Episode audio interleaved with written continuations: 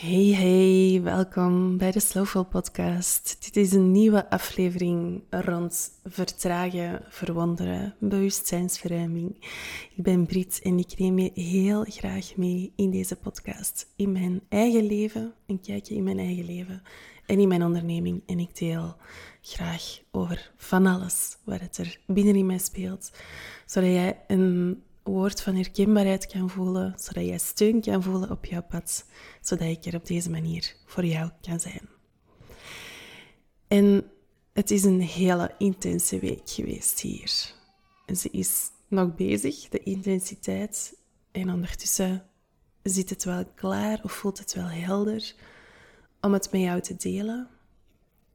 Misschien zijn er stukken die dat jij herkent van je eigen leven.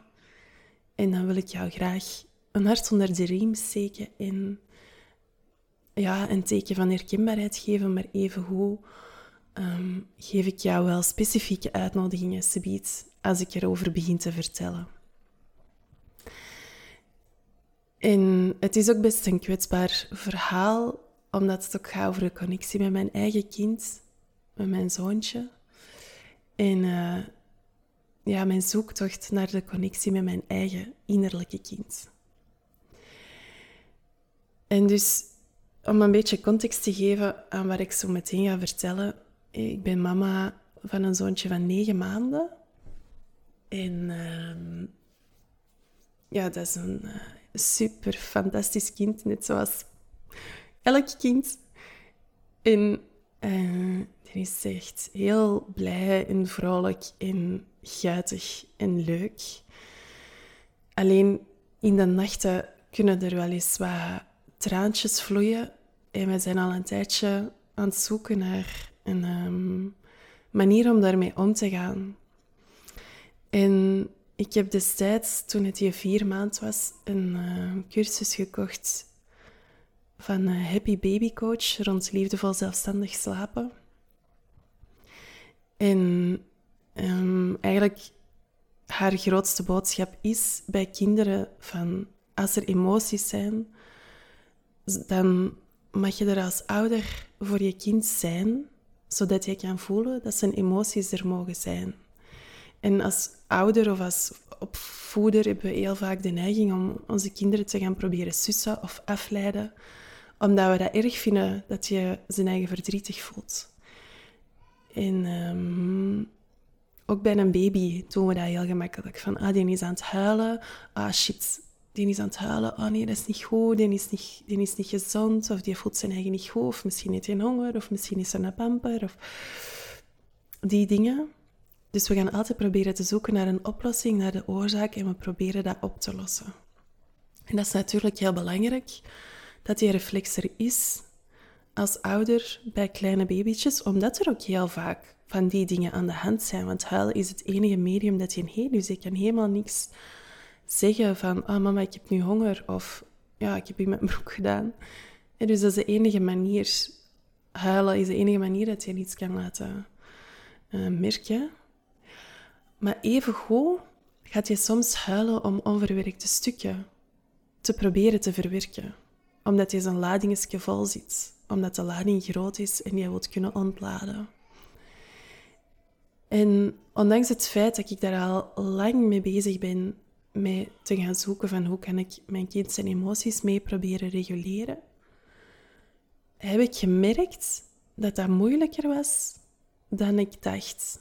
En eigenlijk tot voor kort, tot voor vorige, vorige week, is er ineens een inzicht gekomen binnenin mij. Dat voelde van, oké, hier gaat het over. En niet van, hier gaat het over, ik snap nu eindelijk dat hoe dat, dat werkt, emotieregulatie of zo, maar eerder bij mijn zoontje zelf.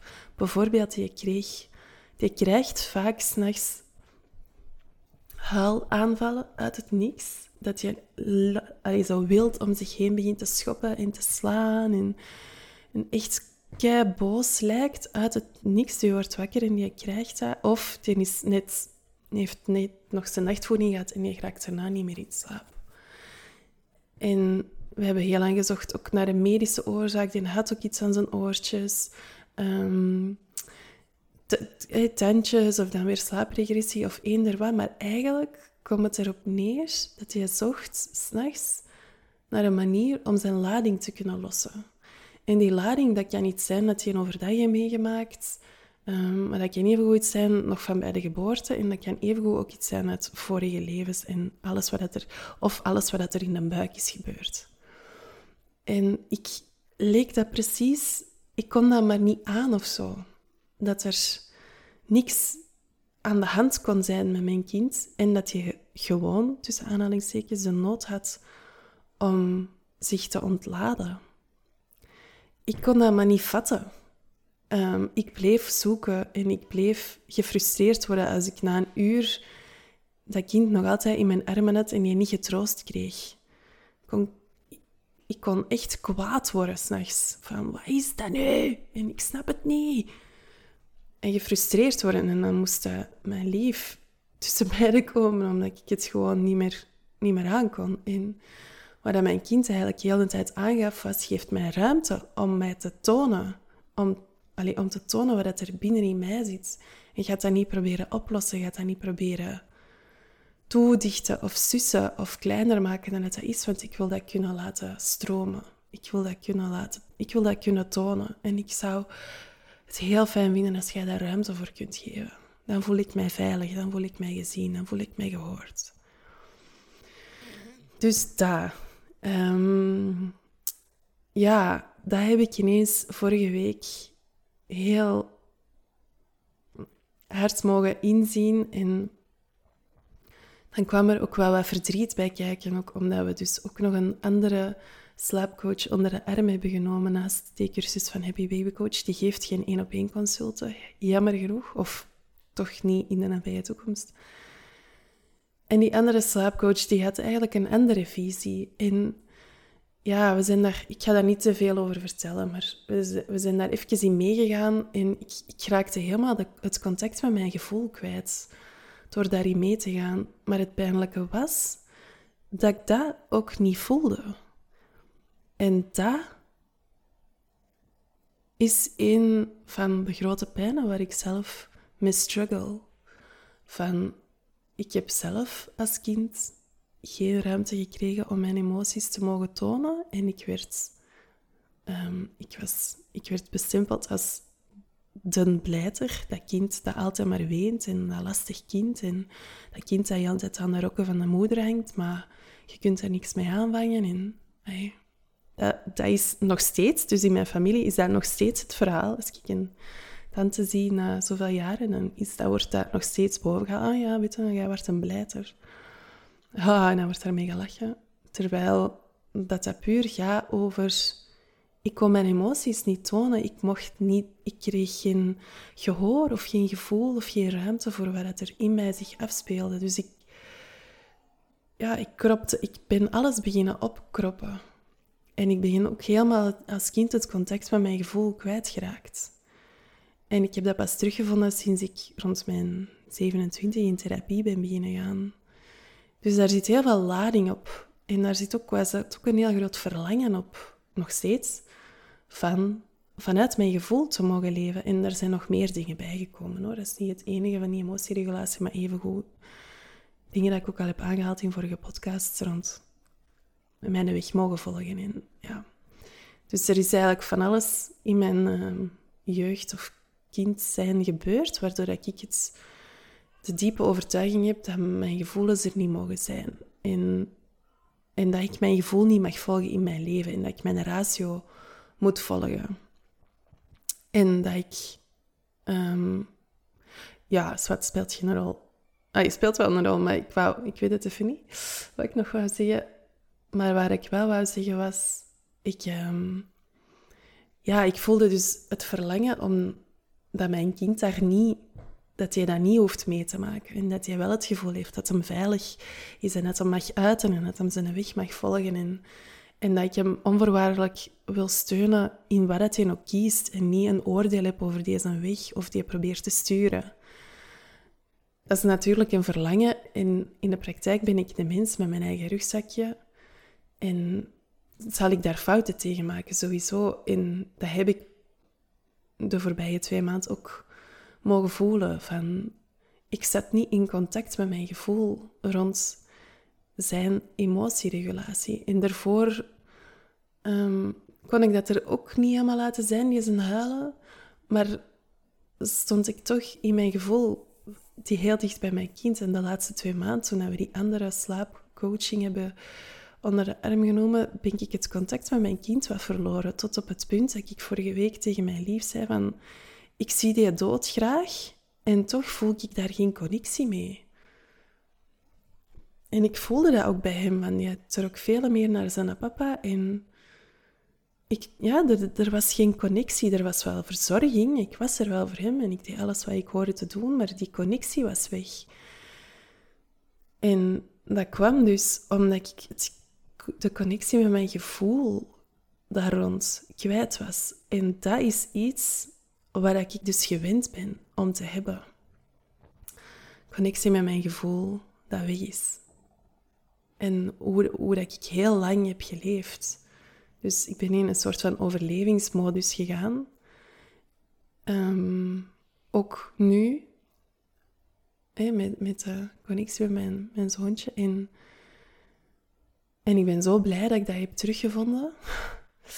En ik kan dat nu allemaal wel heel um, sereen vertellen, maar dat gaat met veel emoties gepaard. Maar die zitten op dit moment niet klaar of zo. Um,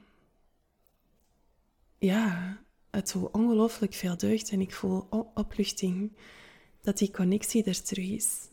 Zowel naar mijn kind toe, naar deze hechting toe, als naar mezelf toe. Als naar mijn eigen hechting met mijn eigen innerlijke kind. En ik ben daar ook terug voor in therapie aan het gaan. Ik heb daar een eh, therapeute voor onder de arm genomen, um, die terug met mij naar ja, een stukje rond mijn innerlijke kind, die daar, waar er nog heel veel verdriet rond zit, die dat er samen met mij in liefde naar gaat kijken, waardoor het, die, waardoor het verdriet ruimte krijgt om gezien te worden en dat de, de Brit van nu, de volwassen Brit, de Brit die dat hier nu deze podcast aan het inspreken is, dat die er kan, dat die er kan zijn voor dat klein Britje. En dat dat klein Britje ook kan voelen. Dat de pijn die dat ze voelt, dat dat ja, dat de pijn die dat ze voelt, ook rond de pijn dat ze voelt, dat die er mag zijn. En, en dat ze heel veel heeft geliefd en heeft gemist. En dat ze heel veel ondersteuning heeft gemist. En dat ze het heeft gemist om gezien te worden in, uh, in haar emoties, maar even in, in hoe dat zij kan stralen in de wereld. En hoe dat zij kan zijn en hoe dat zij naar de dingen kijkt. En dat is heel schoon, hè? de inner child work. Um, hoe, hoe dat, dat echt trauma's kan, kan aanpakken. Hoe dat, dat echt zachtheid brengt in dingen waar je nu als volwassen mens mee struggelt. Omdat als je je innerlijke kind, het kleine kind in u, die dat er allemaal zit, bij iedereen.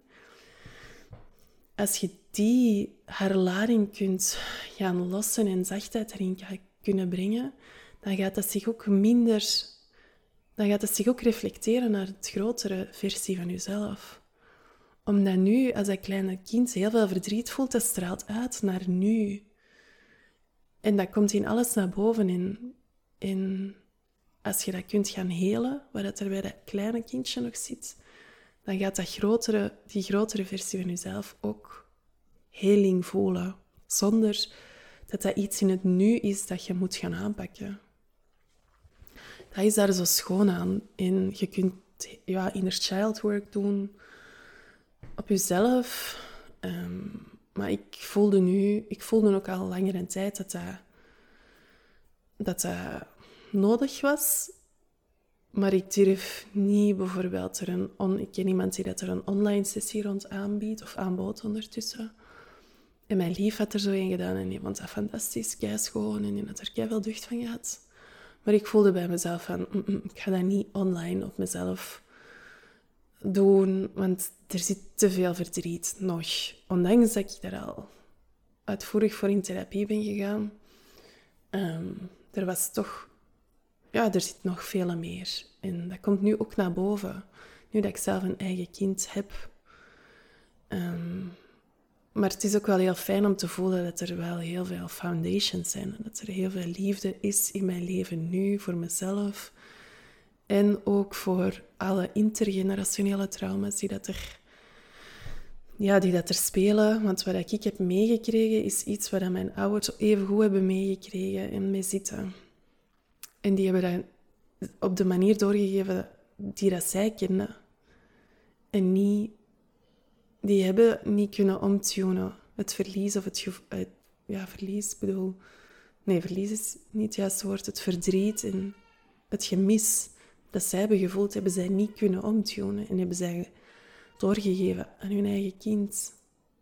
En daar komt ook bij dat er een, um, ooit een diagnose is geweest bij mezelf van hoogbegaafdheid. Iets waar ik altijd een haat-liefde verhouding mee heb gehad, omdat ik mijn eigen helemaal geen... Ik was wel een bovengemiddeld begaafd kind in het lager. En ik heb de laatste kleuterklas overgeslagen omdat ik schoolrijp was en kijk ook kon lezen en rekenen. En zelfs als jonge spruit was ik nog steeds bij de beste van de klas. En moest ik geen klop doen, bij wijze van spreken, om alles ging vanzelf. Maar daarna is dat helemaal gekanteld. En omdat ik ook niet op mijn pad zat in de school, ik wou kunst gaan doen en ik moest Latijn gaan doen, maar dat interesseerde mij geen hol.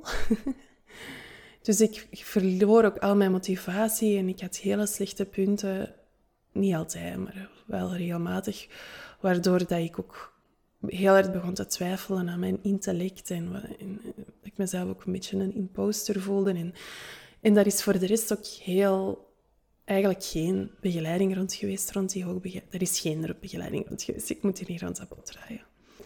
Rond die hoogbegaafdheid. Um, en ja, dus dat... Um, wat wil ik daar nu weer mee zeggen? Ja, wel, dat... Um, dat is ook niet makkelijk voor een ouder om met een hoogbegaafd kind om te gaan als je daar zelf geen bewustzijn rond hebt. Dus ik denk dat het er heel hard bij kwam. Dat ik een heel gevoelig kind was en een kind met meer noden dan het gemiddelde kind, om dat nu ja, even plat te slagen.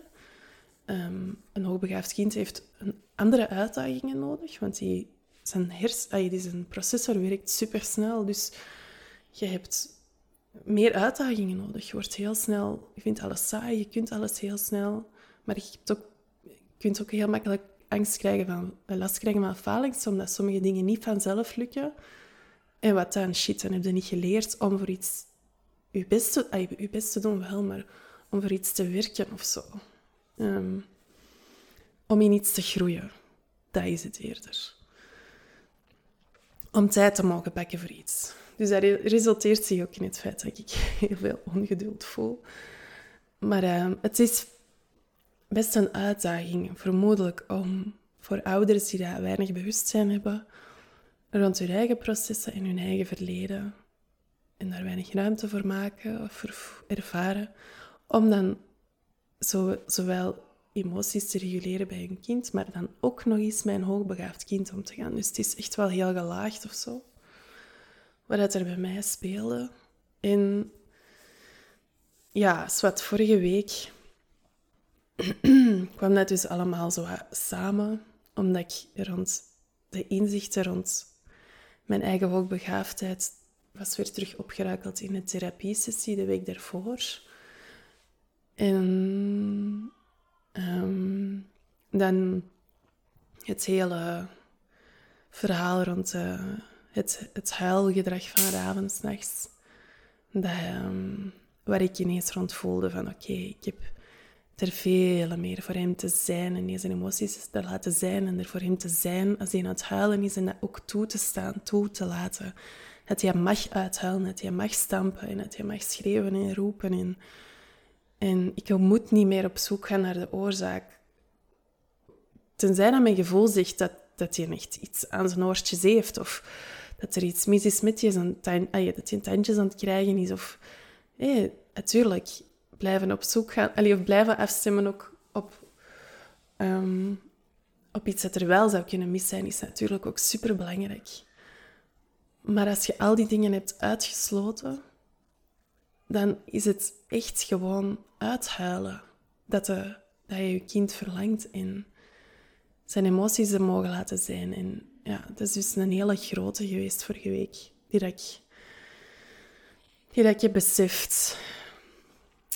En waardoor dat ik, dat is echt zot, ik heb die ene nacht dan ik, ik, was toen ook alleen een paar dagen. Mijn lief zat in het buitenland voor zijn werk. Dus ik heb die, die nacht laten kunnen uithuilen. En dat was heftig. Dat duurde een half uur of zo. Of ja, alles in totaal misschien wel een uur. Bij mij op bed gepakt en ervoor gezorgd dat je er niet af kon duiken. Maar voor de rest heb ik die ben ik daarbij geweest in energie en heb ik die laten voelen van ik ben er voor u en ik heb hem dat ook verteld. En ik heb hem ook een hand aangereikt, maar ik heb die niet proberen te sussen of te, te, te tro wel, ja, troosten. Ook niet van uw verdriet mag er niet zijn, kom we gaan dat snel oplossen. Maar wel van laat het maar zien schatje, ik ben er voor u. Ehm, en dat was heftig en de volgende dag voor zijn ochtendtutje had hij weer zo, moest hij weer veel ontladen. En, ehm, en het zotte was dat ik instant terug connectie voelde met hem. Die nacht, sinds die nacht. Dus dat was echt verloren gegaan. Dat was... Ja, er is een laag opgekomen van, van niet meer kunnen voelen bij mij. Van in een soort van numbness te gaan, omdat ik in de knoop zat met mijn eigen gevoelens en in een overlevingsmodus ben gegaan op dat vlak. En, uh, en die met die te kunnen laten uithalen, heb ik ook een stukje mezelf kunnen helen sowieso. En voelde ik instant terug connectie met hem. En dat deed ongelooflijk veel deugd. Even een slokje drinken.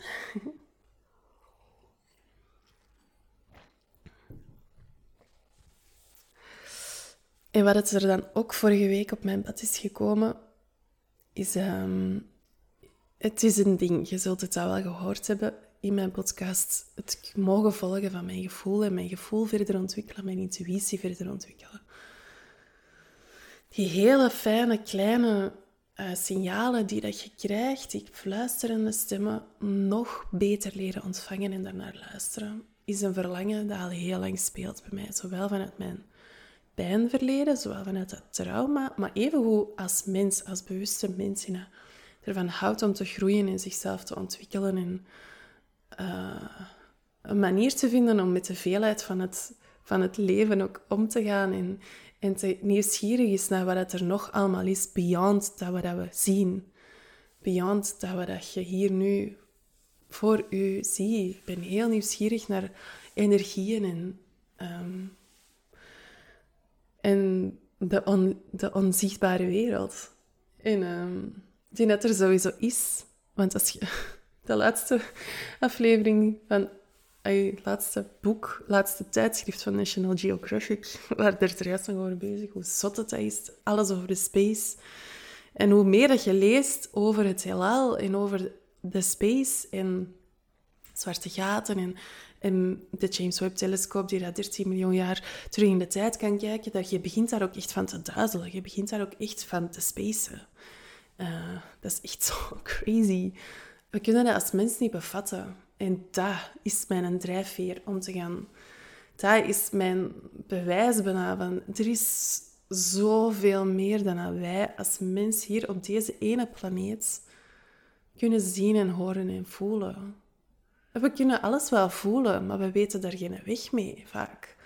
Omdat we zo niet opgroeien, omdat we heel rationeel opgroeien en heel in de wereld hier. En, en er zijn heel wat mensen die dat weerstand voelen bij bijvoorbeeld dingen die dat ehm, ontstaan, of wijsheden die dat ontstaan zijn uit astrologie, uit bepalen van je geboortedatum en dat je daaruit uh, kenmerken over jezelf, of jezelf beter kunt leren kennen, zoals bijvoorbeeld human design. Um, wat, ik, wat ik heel goed kan snappen, omdat dat, niet, omdat dat zo uh, onbevattelijk is. dat dat iets zou kunnen zeggen, uw geboortedatum, over wie dat je zei. Dat is zo onbevattelijk. En ik geloof daar keihard in, omdat net omdat de wereld voor mij veel meer, uit veel meer bestaat dan het, het, alleen hetgene waar we wel kunnen bevatten. Maar dat is voor ons mensen moeilijk om te processen, omdat je, ja, je kunt dat niet bevatten. Dus je kunt dat niet toelaten. Je kunt dat niet snappen bijna. er zijn een paar van die knappe koppen die daar wel heel veel sterrentheorieën kunnen lanceren en zotte dingen kunnen berekenen. Daar moeten wel voor in de wieg gelegd zijn om dat te kunnen of zo. Heel veel, bij heel veel mensen zit er kortsluiting op. Allee, begint dat echt letterlijk te spacen als je naar de grootheid van alles begint te kijken. En tegelijkertijd de minimaliteit en de nederigheid. Want alles is maar ontstaan uit één mini-splitseconde van een atoom. Ik denk niet dat het de juiste manier is om het te formuleren, maar iets is ontstaan uit het niets. En dus, ja, waanzin. Enfin, in ieder geval. um, ik praat er trouwens super graag over. Uh, een van mijn favoriete boeken is Kleine geschiedenis van bijna alles. En ik zit met het plan om die, om daar, om in een luisterboek te gieten. Ik heb amper kennis van feiten. En ik heb mij daar lang slecht over gevoeld. Zo van, ah ja, ah ja, terug weer naar dat hoogbegaafdheid. Ja, maar ik ben helemaal geen slimmerik, want ik heb, kan geen feiten onthouden. Maar daar zit ook mijn kracht niet. Mijn kracht zit in ja, tussen de lijnen door kunnen lezen. En snel kunnen processen. Maar dus Waar ik het nog, over wou hebben, was dat er vorige week ook nog iets heel bijzonders is gebeurd. Ik zit dus, zoals ik zei, met dat verlangen om mijn intuïtie aan te scherpen en te versterken. En meer te kunnen volgen, ook meer mijn pad te kunnen volgen in het leven, maar even hoe nog meer signalen op te kunnen pikken die, dat er, die dat tot mij komen. En uh, ik was dat verlangen al lange tijd aan het voelen, dat was zo aan het sluimeren binnenin. En ik ik voelde echt een letterlijk verlangen om een soort van traject te gaan volgen dat mij daarin kon ondersteunen. Maar ik voelde tegelijkertijd ook van, ik heb dat niet te gaan zoeken. Ik heb dat niet te gaan opzoeken. En ik heb dat ook helemaal losgelaten. En dus vorige week vrijdag, toen ik zo die zotte ervaring had gekregen van die herconnectie met Raven, kwam er ineens iets voorbij van een vrouw op Instagram waar ik nog nooit een bericht van op Instagram had zien voorbij komen. En ik had die vrouw ook al geconnecteerd, uh, gecontacteerd om dus eens mee te gaan kijken naar Raven en zijn geboorte. Want daar, zit, er is ook van alles gebeurd in die geboorte, voor en tijdens en na die geboorte, waar het er bij mij ook nog een hele lading op zit. Dus ik had aan haar gevraagd, wilde jij daar met mij en Raven samen eens naar gaan kijken? En we gaan dat binnenkort doen. En dus die vrouw, daar kwam iets voorbij van op uh, Instagram en dat was een jaartraject rond je intuïtie ontwikkelen. En dat traject begon de volgende dag en ik voelde gewoon van, hier heb ik bij te zijn. Dit voelt zo juist. Ik, heb, ik moet daar niet over nadenken. Ik voel, yes, hier wil ik bij zijn. En dat begon de volgende dag en ik had de volgende dag een familieuitstap gepland die al verzet was en waar ik heel veel waarde aan hechtte. Dus ik voelde ook, mijn lief was er ook niet. Dus ik had een oppas zoeken voor avond en dat klopte allemaal niet. Dat was zo, wow. Nee, dat komt, ik, ik stap gewoon een les later in en dat komt helemaal goed. Maar dus die les die moet nog komen. Ik kan nog niks vertellen over hoe dat, dat traject is. Maar ik, het voelt zo goed om voor mezelf te zeggen van ik mag mijn intuïtie verder gaan ontwikkelen. En ik mag mezelf beter gaan leren lezen en evengoed anderen ook. Dat gaat echt over kleine energie, dingen beter leren horen en zien en voelen. En ik heb daar ontzettend veel goestingen en ik vond dat heel bijzonder dat dat ineens dan die vrijdag mijn pad kruiste. Ehm, ja, voilà. Dus dat waren een paar zotte dingen die dat er vorige week gebeurd zijn. Ehm, ik wou die heel graag met jou delen, omdat ik heel graag over mezelf wil delen, over mijn eigen proces. Om dingen bespreekbaar te maken, om u te kunnen ondersteunen op deze manier. Om er te kunnen zijn als een teken van herkenning, als een baken van vertrouwen, ehm, als een warm dekentje gewoon op uw weg, die niet dezelfde weg is, want iedereen bewandelt zijn eigen pad, maar waar dat ongetwijfeld wel dingen herkenbaar kunnen zijn. En al is dat dat je nu zelf een zaadje plant voor iets waar je binnen x aantal jaar pas mee aan de slag gaat, als deze podcast een van die zaadjes is kunnen zijn, dan maakt mijn hart een sprongetje. En dan, dat draagt ook bij tot mijn missie om meer zachtheid en liefde en meer intuïtie en meer vrouwelijk, vrouwelijke energie in deze wereld te brengen. En dat we daarop mogen vertrouwen en dat we die mogen volgen, die energie. En dat we daar niet aan gaan twijfelen of dat wegzitten als niet van de wereld of dromerig of zweverig. Maar dat dat iets is dat er is, dat er mag zijn, dat geloofd wordt en vertrouwd wordt.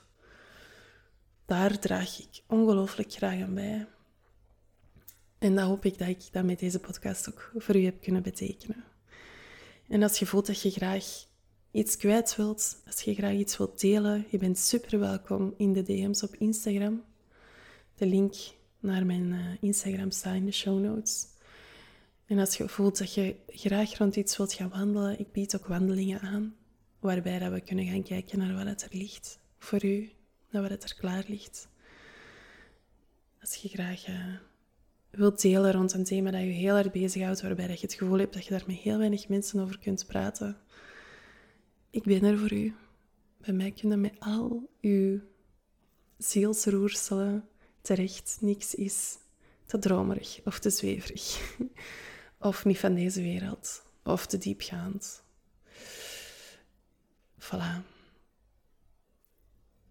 Als je fan bent van deze podcast, deel het met je vrienden. Deel het in stories als je er iets aan hebt gehad. Ehm, het zou fantastisch zijn om deze podcast te mogen laten groeien. Samen, met z'n allen. To spread the slowful love. Voilà. Dankjewel om erbij te zijn. Dikke merci om te luisteren. En heel graag tot volgende keer. Veel liefs.